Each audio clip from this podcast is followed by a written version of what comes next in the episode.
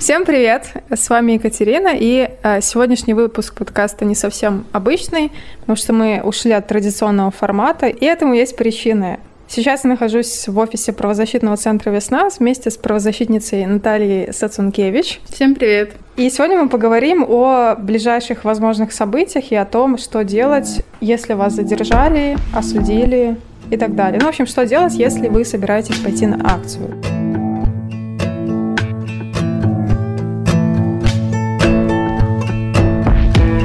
Да, последние события в избирательный период показали, что людей могут задерживать просто сотнями. Это и ланцюги солидарности 14-15 июля и так далее, и так далее. И скоро будет 9 августа. Мы знаем, что это за дата.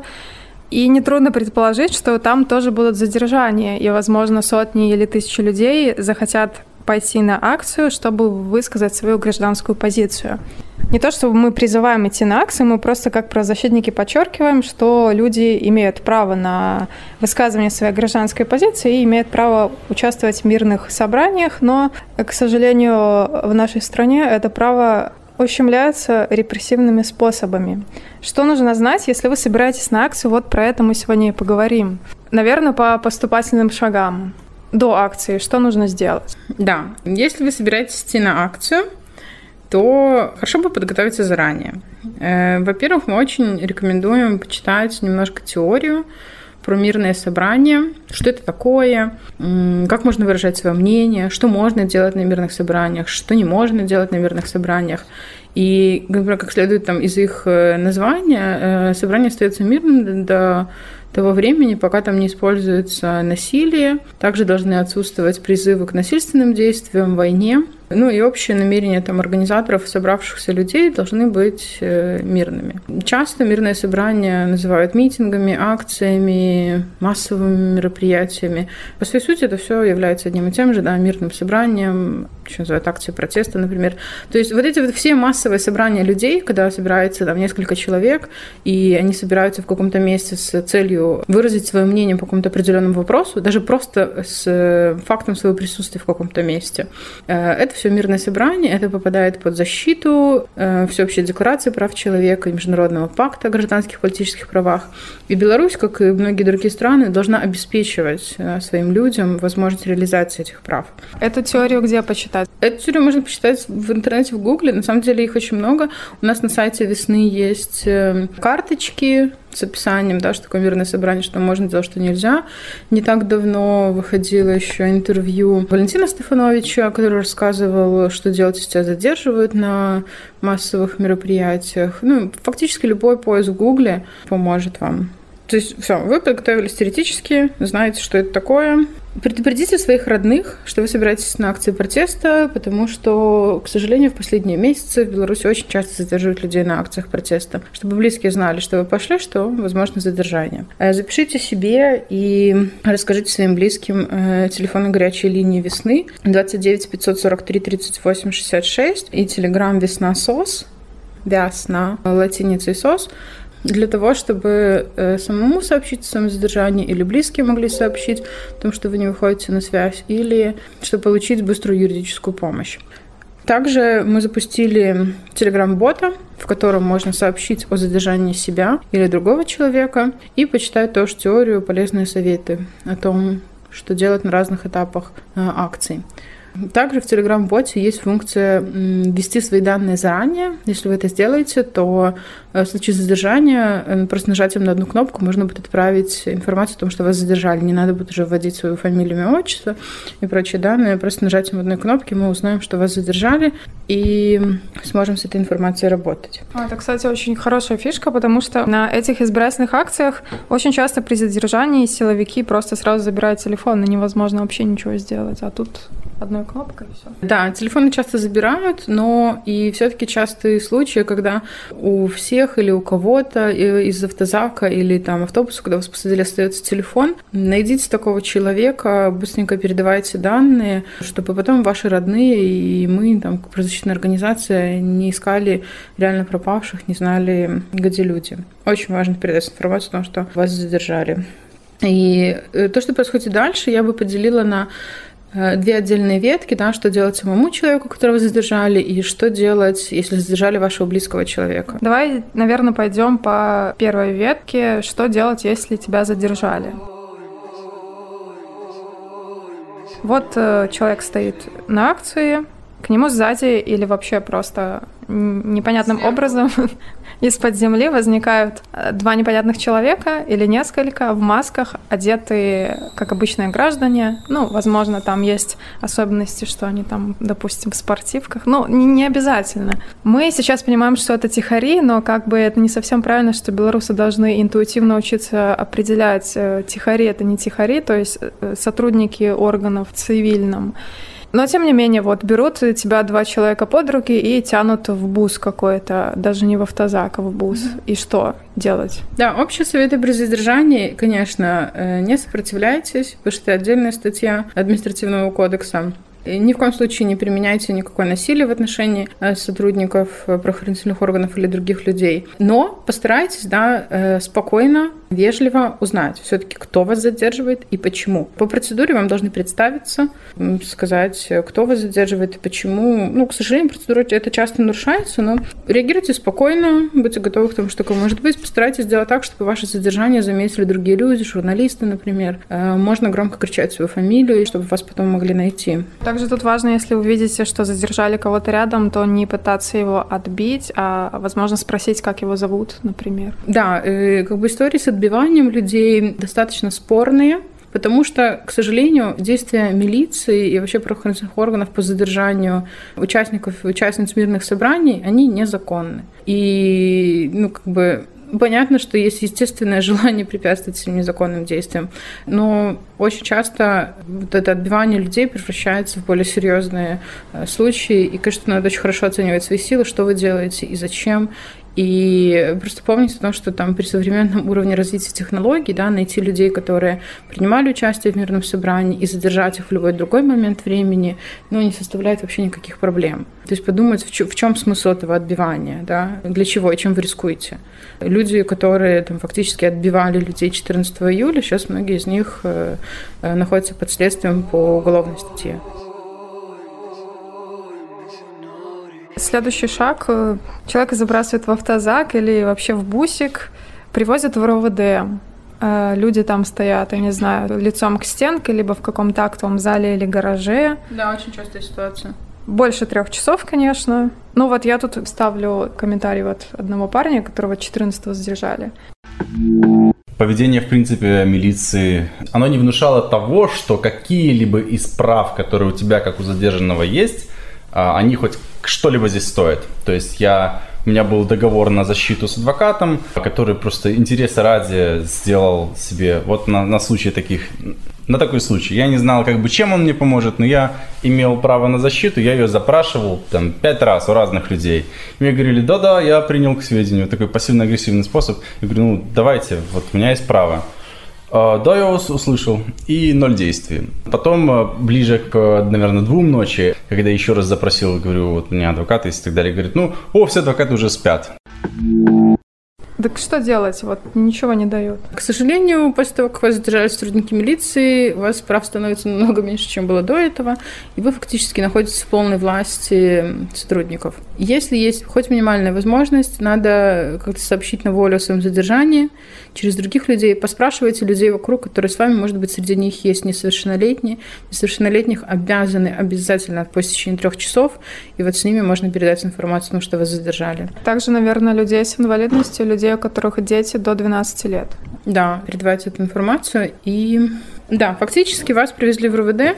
Скорее всего, значит, в отношении вас э, начат административный процесс. Составляется протокол административного правонарушения с протокол задержания. Может проводиться там опись э, ваших вещей, Э, разъяснение прав. Э, спокойно, внимательно слушайте, что вам говорят, запоминайте, кто вам это говорит. Просите копии всех подписанных документов, вам их обязаны выдавать. Внимательно читайте, что подписываете. Если вы не согласны, в протоколе так и пишите «я не согласен», «не согласна». На самом деле происходило то-то. Зачеркивайте пустые строчки, расписывайтесь. Административное задержание длится до трех часов. По течение трех часов вас должны или задержать до суда и сказать вам об этом, или отпустить. Э, в дни массовых задержаний, вот эти вот задержания до трех часов, да, процессуально разрешенные, они могут растянуться до пяти, до восьми, то есть утра, могут, в общем. могут выпустить в 5-8 часов. Если у вас есть какие-то заболевания, обязательно говорите об этом срочно. Или начинаете плохо себя чувствовать, обязательно срочно говорите об этом сотруднику милиции, требуйте вызвать э, скорую помощь ну, помните о своем здоровье, да, э, не стесняйтесь, проситесь в туалет, проситесь пить, все, что вам надо, да, вы живые люди. Не провоцируйте, конечно, сотрудников на агрессию, но и, ну, как бы спокойно, ровно и аккуратно э, пробуйте реализовать свои права. Хочу отметить важный момент, что по просьбе задержанного сотрудники милиции обязаны известить родных или работодателя, но только по просьбе, да, то есть надо сказать, я прошу, очень прошу, прям требую известить Эм, иногда они этого не делают, но периодически бывает такое, что делают, и это как бы очень хорошо срабатывает. А, если вас отпустили из РУВД вот по стечению этих трех часов условных, то все в порядке. Отлично, если вам дали с собой копии документов. Если не дали, попробуйте попросить еще раз. Э, ну, это как бы не смертельно, если вы выходите без документов. Если вы выходите, передайте информацию о том, кто там остался. И если в отношении вас был составлен протокол, то ждите повестку в суд. Ее присылают обычно или смс или бумажную. Суд решит, э, да, там, виноваты вы или нет, какое вам наказание как раз таки вот этот момент, когда не приходит повестка, тебе просто там участковый милиционер звонит и предлагает прийти на уточнение протокола, на уточнение чего-нибудь, то угу.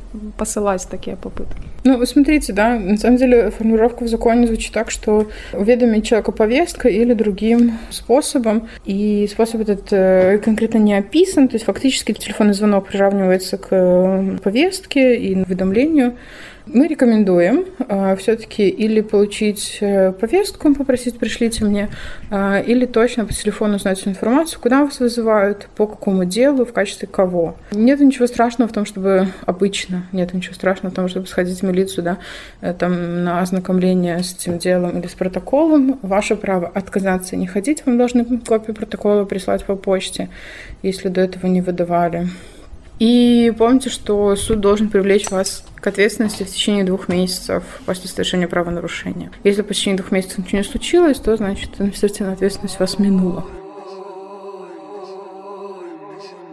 Если человека задержали до суда. Его угу. везут в ИВС, изолятор временного содержания. Да. Угу. да, если же по течению этих трех часов вас не отпустили, а задерживают до суда, вы должны об этом сказать. Суд должен пройти в течение 72 часов после задержания. И эти 72 часа вам, скорее всего, придется провести в изоляторе временного содержания. В Минске это ИВС на Окрестина. Если вас задерживали в Минском районе, например, э, на Новой Боровой, это ИВС Минского района на Скорины. И если в любом другом городе, то просто местный ИВС.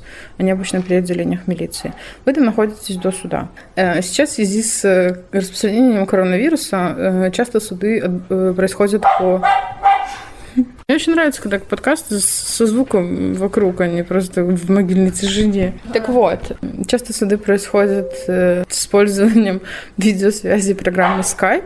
Выглядит это очень странно и полностью незаконно. Белорусским законодательством не предусмотрен никакой такой порядок, о чем вы можете и рекомендуем заявить судье. Помните, что даже если вас задержали до суда, то, в принципе, ваши там все права, которые предусмотрены в праве на справедливый суд, они должны реализовываться так же, как если бы вас там отпустили и потом вызвали в суда. Вы имеете право знакомиться с материалами дела, полноценно участвовать в судебном заседании, задавать вопросы свидетелям, а часто в суде опрашивают, э, например, сотрудников милиции, которые вас задерживали, вносить свои замечания, предложения, э, различные просьбы. Э, в том числе вы можете э, заявить э, просьбу об участии адвоката в вашем процессе. Про адвоката предлагаю поговорить отдельно немножко позже, да, что это такое и зачем. Эм, то есть будьте, будьте активны на суде, Это ваша возможность э, ну, донести свою мысль до судьи. Часто спрашивают, что говорить на суде. Мы рекомендуем говорить правду. Если вы планировали или принимали участие в мирном собрании, то так и говорите. Вас все равно уже задержали, и, скорее всего, вы получите или сутки, или штраф. Нет смысла врать в этом. Какая печальная факт, да, факт правонарушения, согласно Возможно, закона, уже на лицо. Не признавать вину в том, что ты участвовал в несанкционированном массовом мероприятии, а говорить, что ты участвовал в мирном собрании. Да, да, говорите, что вы участвовали в акции, э, реализовывали свои права, право на мирное собрание, право на выражение мнения. И если вы действительно проходили мимо, говорите, что вы проходили мимо, это как бы обязанность сотрудников правоохранительных органов, обязанность суда э, действительно точно определить, кто там участвовал, а кто проходил мимо. И действительно там случайный человек. Поэтому подумайте ну, просто над своей позицией и придерживайтесь ее. Позиция может отличаться от той, которую первоначально заявили в протоколе, подписали, потому что понятно, что чаще всего люди не каждый день оказываются задержанными в отделении э, милиции, не всегда понимают, что происходит. Часто поступают сотрудников милиции такие противоречивые, странные инструкции, что писать, что подписывать, и даже э, какой-то вариант шантажа в плане того, что там напишешь то, что мы сейчас говорим, и тогда выпустим, а если нет, э, поедешь на сутки. Ну, это неправда, как показывает. Это неправда, это неправда правда, да. Либо ты поедешь, либо не поедешь, от протокола это не зависит. Да, совершенно верно. Еще в качестве свидетелей на таких судах в 100% случаях выступают э, сотрудники ОМОНа, в общем, и они все время говорят, что либо мы вас задерживали, либо, ну, или, или, или говорят все, что там связано с протоколом, там в такое-такое-то время вас задержали. Часто это не совпадает с настоящим временем задержания или местом задержания. Наверное, тут стоит посоветовать людям активно обращать на это внимание и активно задавать вопросы этим свидетелям, потому что человек может задавать вопросы, уточнять и, например, спрашивать у свидетеля, во что я был одет, а потом говорить, нет, я был одет на самом деле не в это, потому что чаще таки бывает. Угу. Да, конечно, это очень важно. Задавайте вопросы. Также вы можете просить суд а, опросить других свидетелей, запросить и просмотреть видеозаписи с камеры наблюдения. И если суд отказывает вам в этих просьбах, да, таким образом нарушается ваше право на справедливый суд чаще всего. А это ходатайство. Да, да. Ну, ходатайство или просьба к э, суду. Кстати, к суде надо обращаться в высокий суд. А то, как бы, да. Чем может ходатайствовать человек? Например, а, он может ходатайствовать о вызове свидетелей со своей стороны. Что тогда? Судебное заседание переносится? Должны сделать или перерыв для вызова свидетеля, может быть, час-два, сколько там потребуется, или перенести на другой день. Ну, также и с адвокатом. Человек может ходатайствовать о предоставлении адвоката либо со стороны государства, либо на административках не предоставляют адвокатов? Бесплатных нет, но всегда есть дежурные адвокаты в районных коллегиях адвокатских, и вот такого адвоката могут пригласить, ему придется с ним заключить договор и оплатить услуги. Да, либо своего адвоката привлечь. Вот к вопросу об адвокатах. К вопросу в адвокатах. Средний гонорар за участие в судебном процессе составляет 100-150 долларов. Проблема подобных судебных заседаний, про которые мы говорим, то, что решения там политически мотивированы, и фактически это преследование по политическим мотивам за участие э, в мирных собраниях. И участие адвоката очень редко влияет на результат суда. А участие адвоката не гарантирует отсутствие ареста, не гарантирует уменьшение штрафа, э, но при этом, конечно, адвокат такая серьезная моральная поддержка для человека, э, и плюс адвокат э, всегда обращает внимание суда на недостатки процессуальные в деле, плюс на юридические может помочь там, выработать правовую позицию. Ну, из опыта там и последних лет, и последних месяцев, да, адвокат это неплохо, но это вообще как бы никак не решает никаких проблем и не помогает доказать свою невиновность в суде. Поэтому надо решить, будете пользоваться услугами адвоката или нет. Практически любой адвокат, если говорить о Минске, это там Минская городская коллегия, а в других городах это ну, городские коллегии адвокатов. Это все очень легко гуглится. Практически любой адвокат да, окажет вам квалифицированную юридическую помощь. Можете поспрашивать, например, у знакомых, у кого есть такое, потому что у кого-то там из своих адвокатов, с кем они уже работали, э, могут посоветовать. Эм, существует такая практика, как заключение договора заранее, но детали надо уточнять уже у самих адвокатов. Э, не всегда это возможно, не со всеми адвокатами, и плюс это тоже дополнительные расходы с вашей стороны. Ну, а вот чтобы на суд вызвать адвоката, адвоката или вот в РОВД нужно иметь с собой заранее заключенный договор с адвокатом? Нет, не обязательно. Вы можете в любой момент ведения административного процесса в отношении вас сказать, я ходатайствую, я прошу э, о предоставлении мне защитника, адвоката. И тогда, если у вас нет договора, то вам обязаны дать возможность там, контактировать с дежурным адвокатом, э, вы заключите там договор. Или, если у вас есть договор, то вызвать вашего адвоката.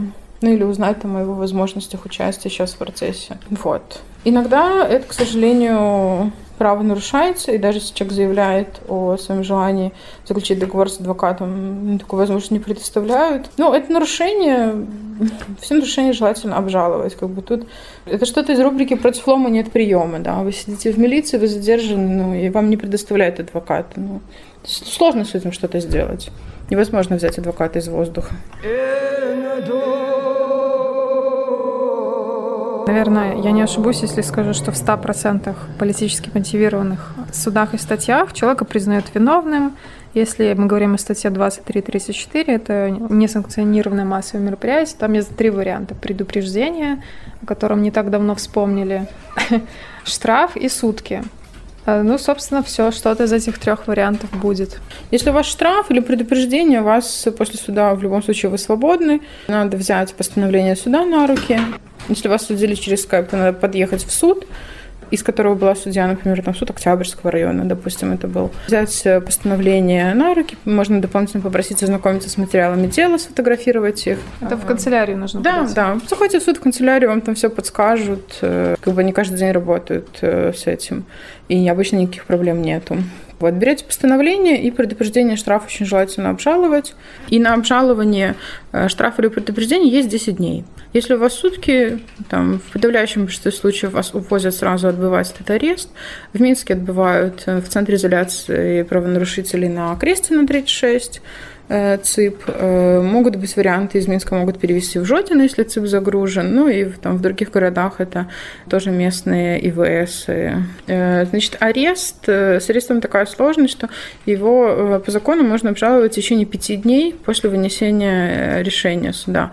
На эти пять дней, скорее всего, вы проведете да, в камере, и оттуда обжаловать практически невозможно попросите, попробуйте у сотрудников э, ИВС. Во-первых, вам надо получить на руки это постановление суда, чтобы вам его дали. Ну, чаще всего дают.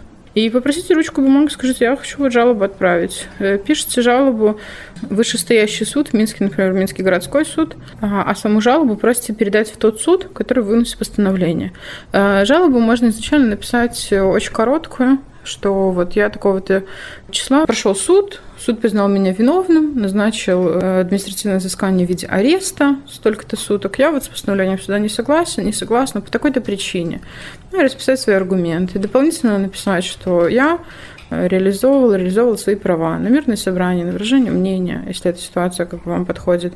И считается, что эти права, вы знаете, что эти права гарантированы Конституцией, международными договорами. И просите постановление суда отменить. Вот. Есть, конечно, сложности. Сотрудники ЦИП иногда не выпускают такие жалобы, но об этом уже можно узнать только по выходу.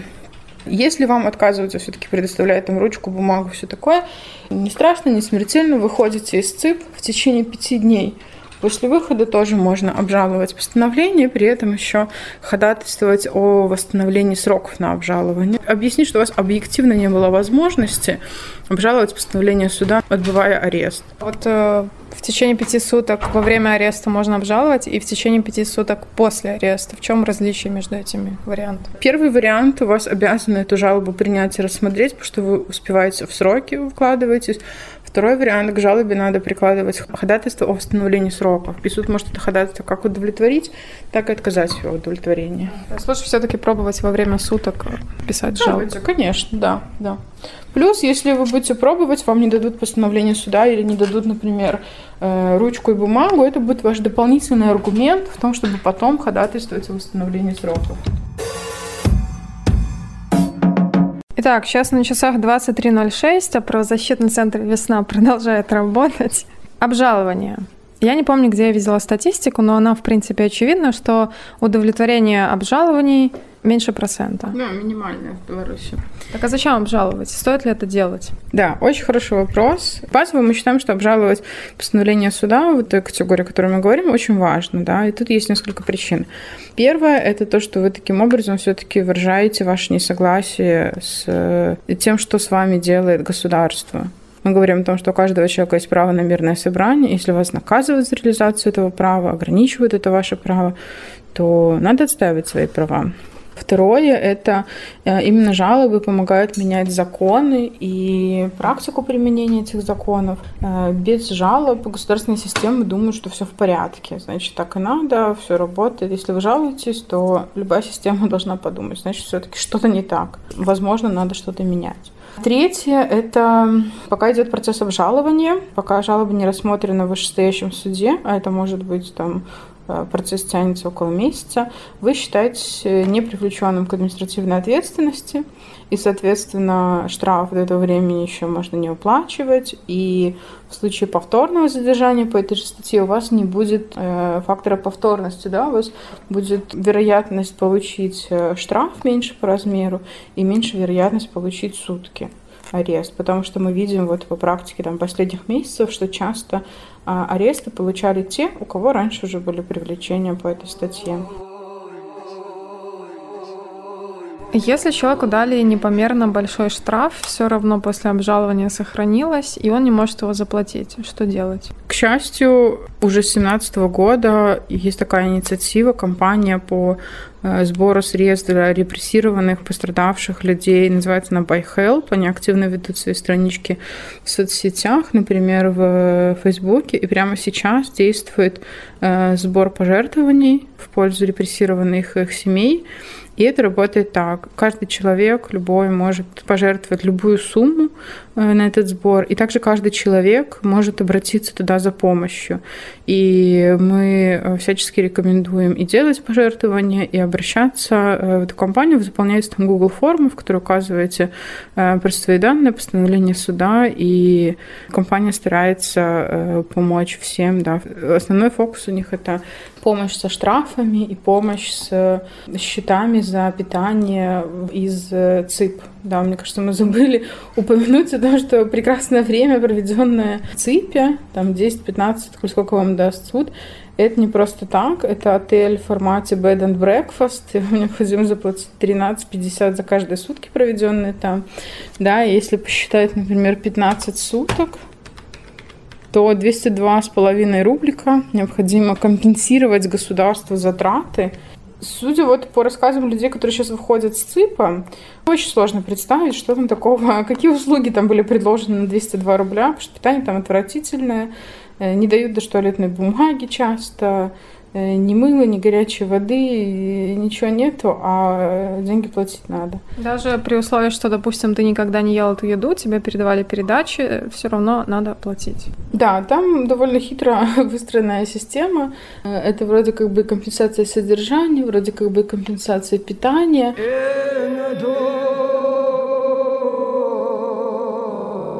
Еще практика последних задержаний, вот которые были 14 июля, показывает о новом э, способе. Это то, что задержанных 14 июля некоторых обвиняли по статьям Уголовного кодекса. Там часть первая, 342 статья. Это действия, грубо нарушающие общественный порядок. Ну, так называемые массовые беспорядки. Да. И вот там так было. Человек сидит в ЦИП, например, его уже судили по административке, но еще вызывают, отвозят в Следственный комитет на, не знаю, дачу показаний. Да. Тут да. какие-то советы можно предусмотреть? Да, это, конечно, очень порочная практика. Там было много процессуальных нарушений прав для задержанных людей. Э, общая рекомендация будет такая, что э, всегда хорошо думайте, что вы говорите, помните про 27-ю статью Конституции, которая позволяет вам не свидетельствовать против себя. Просто молчите.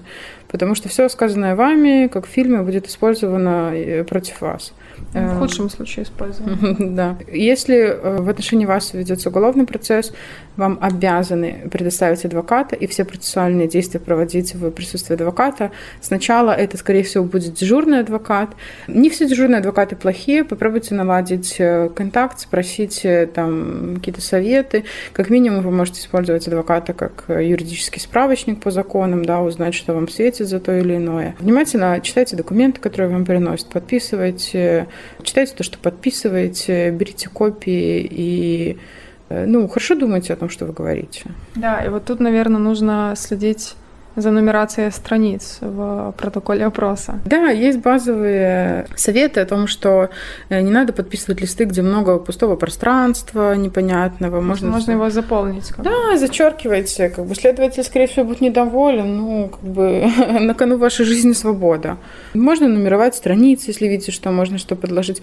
В принципе, если честно, то за последние годы я, наверное, не слышала каких-то таких супер ситуаций, когда действительно переделывали документы, очень серьезно что там подписывали, подкладывали.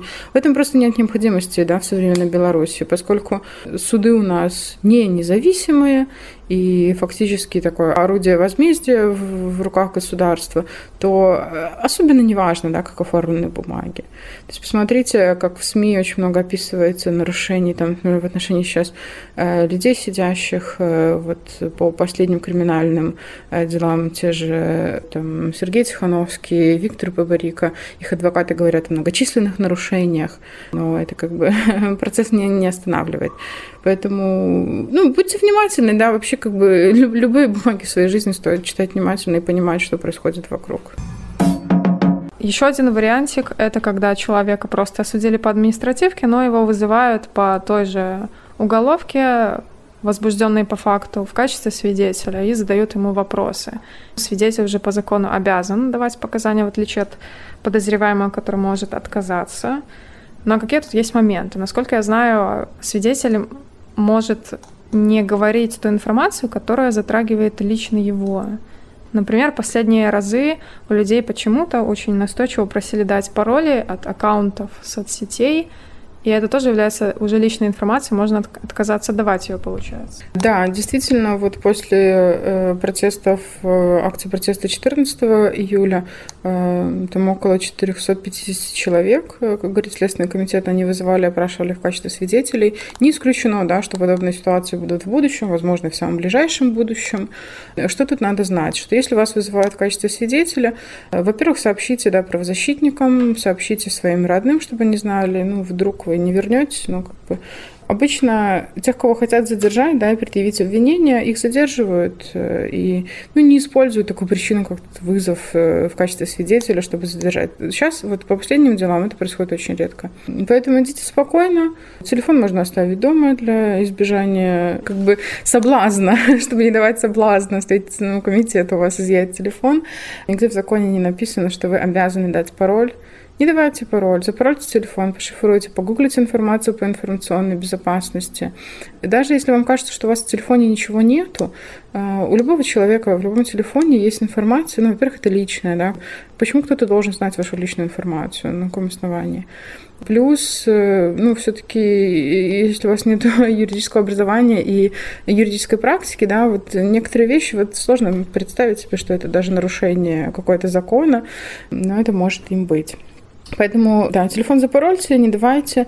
Насчет того, что свидетель обязан давать показания, это частично правильно, но мы вспоминаем святую статью 27 Конституции, которая говорит о том, что э, человек э, ну, в любой ситуации имеет право не свидетельствовать против себя, да, то есть если вам говорят, так что вы там участвовали в массовых беспорядках, да, организовывали, да, э, молчите, не отвечайте. И эта статья позволяет не свидетельствовать против себя и своих близких. И причем, ну, фактически это человек сам определяет, кто для него близкий человек. Время доказывания близости вообще лежит не на вас даже, а на сотрудника. Да, да. То есть, если, например, вы можете не свидетельствовать одинаково как и против своего брата, так и против своего близкого друга совершенно спокойно. В общем, да, как бы резюмируя, вот этих вызовов в качестве свидетелей в Следственный комитет не стоит опасаться. Сейчас они имеют такой массовый характер. Ну, уже как бы большая волна сошла. Почитайте еще заранее, просто погуглите. Некоторые люди публиковали информацию, как они ходили в Следственный комитет. На Тутбае были статьи, журналистов в том числе вызывали. Напишите нам весну, проконсультируем еще дополнительно, что и как. Если чувствуете, да, что есть какие-то варианты уголовного дела в отношении вас, срочно, срочно, срочно сообщайте, будем вместе думать, чем можем помочь. Вот пока мы записывали подкаст, я поставила на паузу. Случилась такая ситуация, нам позвонили, ну, точнее нашей коллеги. Девушку на ровном пробеге затримали, и э, у нее сломана рука, ну, вследствие задержания. Что делать в таких ситуациях? Ой, к сожалению, бывают такие ситуации, когда при задержании имеет место превышение служебных полномочий и намеренные или ненамеренные избиения людей, причинение телесных повреждений. В таких ситуациях, ну, во-первых, если вы находитесь в милиции, вас задержали, говорить о том, что вас избили, вам э, срочно нужен врач – и процедура, в общем, такая, что вам необходимо пройти судебно-медицинскую экспертизу, да, и там эксперт дает заключение, какие у вас повреждения, вследствие чего они могли возникнуть. И на основании этого Следственный комитет должен принять решение о возбуждении уголовного дела или нет. Ну, то есть фактически должны возбудить уголовное дело в отношении тех людей, кто вас избил и причинил вот эти вот телесные повреждения. А по факту как написать заявление в Следственный комитет? Как это делать? Если человек на свободе, да, то вы идете ножками в Следственный комитет комитет и говорите, ну, меня побили сотрудники милиции, дайте мне направление на судебно-медицинскую экспертизу. Или пишите жалобу, что я там э, был задержан такого-то числа сотрудниками милиции или там неизвестными мне людьми. При задержании э, меня побили, я прошу э, провести проверку по фактам принять меры, а также выдать мне направление на судебно-медицинскую экспертизу. Требовать, чтобы отправили в больницу и там оказали помощь. Да, если вы чувствуете себя не очень, а вы только сами можете определить, где для вас эта граница не очень, лучше, конечно, воспользоваться услугами врачей, а не милиционеров. Ну, то есть у милиции требовать, чтобы вас там срочно... Да, говорите, мне плохо, вызовите скорую, ну, там, теряю сознание, умираю. Окей. Да, но я хочу вот э, в разрезе этих вот физических избиений, задержаний напомнить, да, что как бы здоровье и жизнь — это очень большая ценность, да, и ну, вот это все есть э, один только раз, и надо быть очень осторожными и хорошо взвешивать, э, какие вы последствия готовы. Помните про себя, про своих родных, близких, будьте осторожны. Вторая линия наших событий, которые мы анонсировали в начале подкаста, задержали вашего близкого, знакомого. Ваш знакомый, не знаю, перестал выходить на связь. Вот на акции 14 июля одна женщина, Татьяна, мне давала интервью, собственно, ее муж не приехал ночью. Просто он не вышел на связь последний. Вы догадались? Да, да. Я понимала прекрасно, что он там, и смотрела вот эти стримы, смотрела эти фотографии. Это, конечно, это ад адский был. Вот. А потом я уже, когда увидела, что уже на утро, опять же таки, но нигде он не объявился, ни дома, ни в интернете он нигде не вышел, то логично, что я уже поняла, что его задержали. Что делать? Куда звонить? Очень много у нас обращений с этим связанных. И вот вернусь к этому первому базовому совету, да, предупредите своих родных, куда вы собираетесь. Потому что, ну вот я не могу никакими словами передать, да, э, отчаяние и чувство людей, которые ищут своих родных и не знают, что с ними. И они, э, поверьте, да, они всегда думают самое плохое. Ну и как бы э, доверие к милиции невысокое, к процессу задержания милиции тоже, да, люди думают сразу самое плохое, что вас там избили до полусмерти, оторвали все руки-ноги. Значит, смотрите, э, если вашего близкого задержали, мы на сайте правозащитного центра «Весна» всегда стараемся публиковать списки задержанных. Заходите на сайт, смотрите главную, последние статьи, ищите человека в списке. Э, если нашли, значит, кто-то сообщил про его задержание. Э, если вы знаете, что вашего близкого задержали, сообщите нам. Можно через нашего телеграм-бота или на аккаунт «Весна СОС». Как мы уже говорили, да, человека должны задержать на 3 часа. Всех задержанных развозят по РУВД. Ну, в Минске это там 9 РУВД плюс одно э, Минского района. Развозят э, в немассовых задержаний обычно рандомайзером, просто где есть как бы свободные места в РУВД, туда и отвозят. А если это не массовые протесты, то обычно отвозят в РУВД, на территории которого района задержали. Там, задержали во Фрунзенском районе, значит, везут в РОВД Фрунзенского района. Э, там людей оформляют. Есть список телефонов РОВД, они работают круглосуточно, можно звонить, спрашивать, где там мой родной близкий. Очень-очень редко в РОВД говорят, что человек находится у них.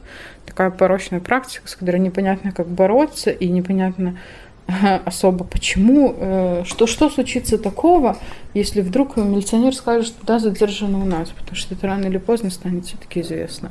Так а все-таки можно пробить эту стену, не знаю, пару лайфхаков, там сказать, я мама, я жду сына, и ну, как-то надавить, скажем так, на, на чувства сотрудника. Можно попробовать, но я, если честно, вот сейчас не могу вспомнить да, ни одного удачного случая надавливания. Да, лучше обменяйтесь геолокациями с вашим близким в телефоне, будете видеть. Просто у нас, например, были случаи, вот нам рассказывали люди, да, что у них была настроена взаимная геолокация. Они говорят, я вот вижу по телефону, что мой близкий в РУВД, а мне там говорят, что его нету. Сложно бороться с таким.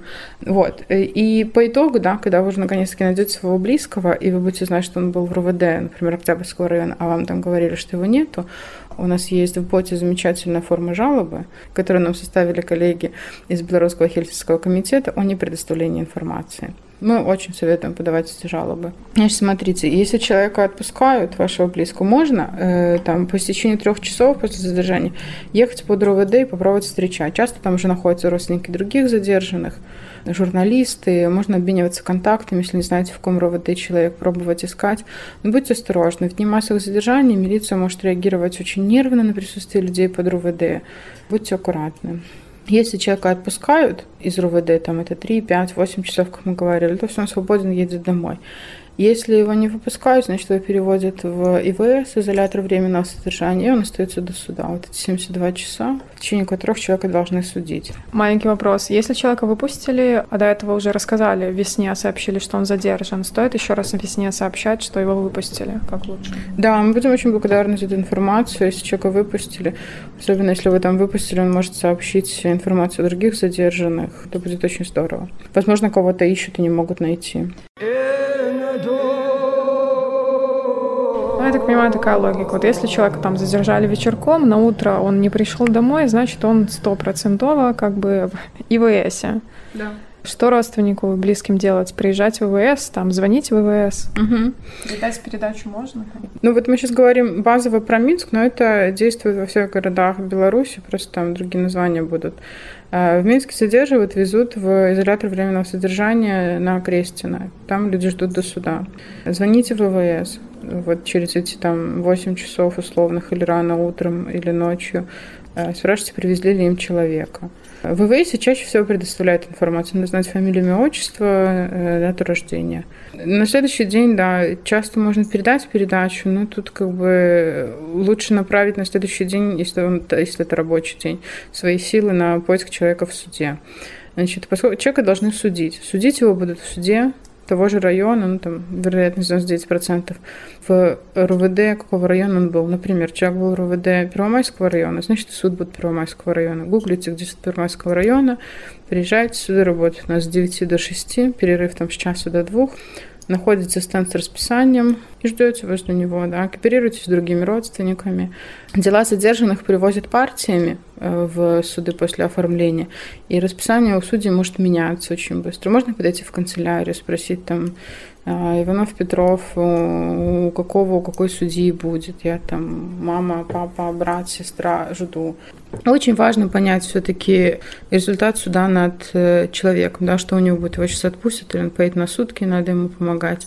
Мы стараемся с помощью волонтеров, волонтерок нашей волонтерской службы мониторить судебные заседания и на сайте публикуем всю информацию, которая у нас есть. Да. Не забывайте проверять, но там может быть не вся информация. Но все, что можем, как бы все публикуем. Вот. Важно попасть на суд или узнать его результат. Э, суды, судебные заседания в Беларуси открыты, вас обязаны пустить на суд.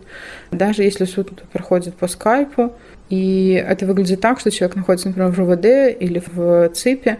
Он с одной стороны экрана судья, с другой стороны экрана. И вас должны вот пустить, в принципе, в то помещение, где находится судья. А если вам говорят, едьте в РУВД на суд, э, они врут, пытаются как-то от вас избавиться. Если совсем не пускают, Ну, вы просто помните, да, что у вас есть право попасть на это судебное заседание, будьте настойчивы. Э, если совсем не пускают, идите к председателю суда и говорите, ну, что это такое? Это нарушение, меня не пускают. Э, можете написать у него там жалобу, совершенно просто своими словами. Жалоба, я такая-то хочу попасть на судебное заседание в отношении такого-то человека, меня не пускают прошу срочно принять меры, отреагировать на это. Чаще всего после этого все пускают. Ну, иногда небольшую такую битву надо выдержать с секретарем судьи. Да, ну, психологическую, если что. Ну да, чаще всего психологически. Почему чаще всего? Да, да. Физических битв не надо, конечно. Да, тут нужно помнить, что в суд надо иметь паспорт, иначе вас туда не пустят. Ну да, суды там себе выдают э, какие-то особые инструкции, по которым почему-то надо иметь паспорт, чтобы присутствовать. А, еще шорты не надо надевать, а то иногда не пускали из-за шорт, так что как бы. Ну, это какая-то особая вселенная. Нельзя в шортах, можно в юбке той же длины. Мне кажется, это прям тема для отдельного разговора. Суды и их представление о реальности. Ваша задача сейчас все-таки понять, что с человеком. Если его дают ему там штраф или предупреждение отпускают, то все супер. Важненький момент тоже сообщать весне об этом, потому что весна собирает данные, база административного преследования есть, и туда все добавляется. Потом всякие подсчеты типа в этом месяце присудили там 3000 базовых величин, например. Да, на самом деле это общественно значимая информация да, об уровне и масштабах репрессий, которые происходят в стране против э, людей. Поэтому очень важно передавать информацию. Если человеку дают арест, то выдыхайте. Это не первый и, скорее всего, не последний арест э, в истории Беларуси. Через там 10-15, сколько дадут человеку, он выйдет, и все будет в порядке. Ваша задача сейчас его Э, снаружи поддержать. Самое первое и самое простое письма, открытки. И можно еще отправлять телеграмму. Никогда не отправляла телеграмму. Да, это может стать уникальным, интересным опытом. Вот, письма можно писать обычные, можно первым классом, можно заказным, без разницы. Узнайте только, где человек, позвоните, например, на ЦИП на Крестина, спросите, у них ли он будет отбывать арест. Возможно, из Минска иногда перевозят в Жодино, ИВС Жодино, ну, тогда пишите туда. И еще есть, если задерживались в Минском районе, ВС Минского района. В остальных городах, да, это работает так. Там задержали, был в РУВД Светлогорска, значит, будет суд Светлогорского района и ВС Светлогорска. Но еще бывает, я слышала, если человек отбывает сутки, он может не в ЦИПе отбывать, а вот если там не хватило места, он и в ВВС может да. быть. Ну, такое может быть иногда. Ну да, кстати, последнее наверное, задержание там была информация. Ну, плюс на один номер больше, да, позвоните и в ЦИП на Окрестина, и в ВВС на Окрестина, соседнее здание. Вот. После того, как вы поддержали человека, ну, теперь давайте передачу, да, потому что человек выпадает, у него там ничего с собой нету. Первая, самая базовая средства гигиены, мыло, туалетная бумага, влажные салфетки, зубная паста, щетка. Если что специфическое человеку надо, очки, например. Э, хочу добавить, что порядок передач и правила постоянно меняются. Это какой-то невыносимый калейдоскоп, поэтому были времена, когда брали каждый день до 5 килограммов от любого человека. Были времена, когда брали каждый день, но только от близких родственников. Были времена, когда брали только раз в три дня. Были времена, когда вообще ничего не брали. То есть надо звонить просто в ЦИП, ВС и уточнять, какой порядок передачи передач. От родственников принимают всегда по умолчанию, иногда принимают от неродственников. Как бы, если родственников нет в этом городе, ну, включайте смекалочку, да, там, ищите сводную сестру, брата с таким же отчеством. Иногда может помочь просто, ну, объяснить ситуацию э, сотруднику, что, ну, у человека нет близких родственников, все, ну, как бы он там останется без всего, хотя бы, чтобы что-то базовое дали. Потому что на усмотрение начальника э, ИВС передачу могут брать не только от родственников. А, Это такой человеческий фактор. Я сейчас подумала, даже если отчество не совпадает, то можно сказать, что этот человек мой сводный там брат, сестра, но просто у нас отцы разные, и отчество у нас тоже и разные. тоже. Слушайте, да, ну включайте смекалочку, да, как бы тут э, жизнь такая штука, надо крутиться. По поводу того, что передавать, ну вот эти вот базовые средства гигиены, передавайте воду, можно попробовать передать книги, погуглите эти списки стандартные, там шоколад, печенье, что-то такое поддерживающее. Вот. О чем я еще не спросила? Что еще важно? Да, вот мы говорили, что очень важно поддерживать открытками, письмами.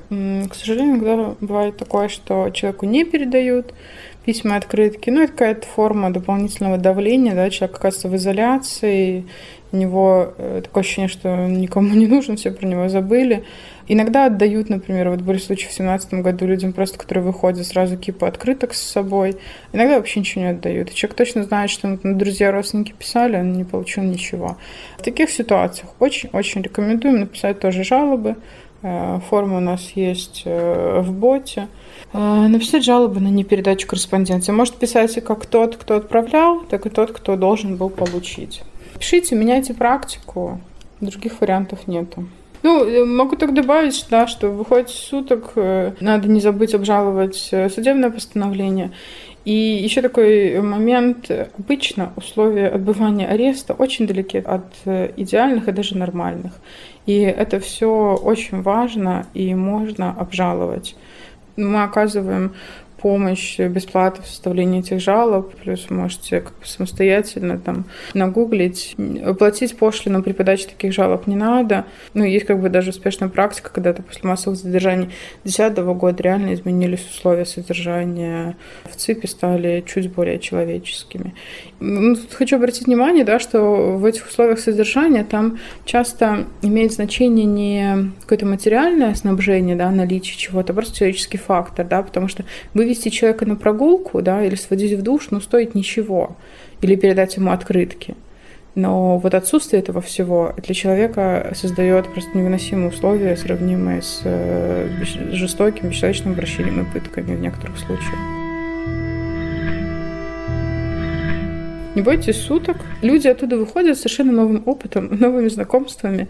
И как бы если вам повезет э, с условными сокамерниками, да, если вы будете сидеть с ребятами и девчатами, у которых те же, ну, условные политические статьи, то у вас будет как бы интересное время подумать о себе, познакомиться с другими людьми. Не переживайте, ну, как бы это не смертельно, арест заканчивается, опыт остается, и раз вы уже оказались в такой ситуации, ну, попробуйте просто получить от этого максимум. Э, возможного приятно. И да, и помните, конечно, что и, и там ИВС, и ЦИП во время отбывания ареста это очень хорошая возможность побороться за свои права, да, требовать ежедневных прогулок, которые вам положены, требовать мытья, которое вам положено, нормального человеческого обращения, которое вам тоже положено как каждому другому человеку. Можно сказать, что сутки — это возможность получения и переработки осознания экзистенциального опыта.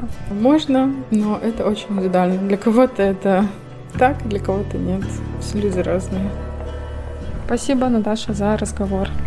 Пожалуйста. Буду рада, если то, о чем мы сегодня поговорили, э, поможет вам в каких-то ситуациях. Обращайтесь обязательно к правозащитникам. Работаем для вас. Рада помочь.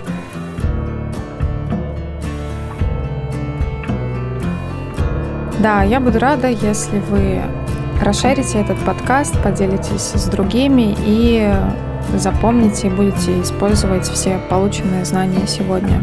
Всем пока и берегите себя.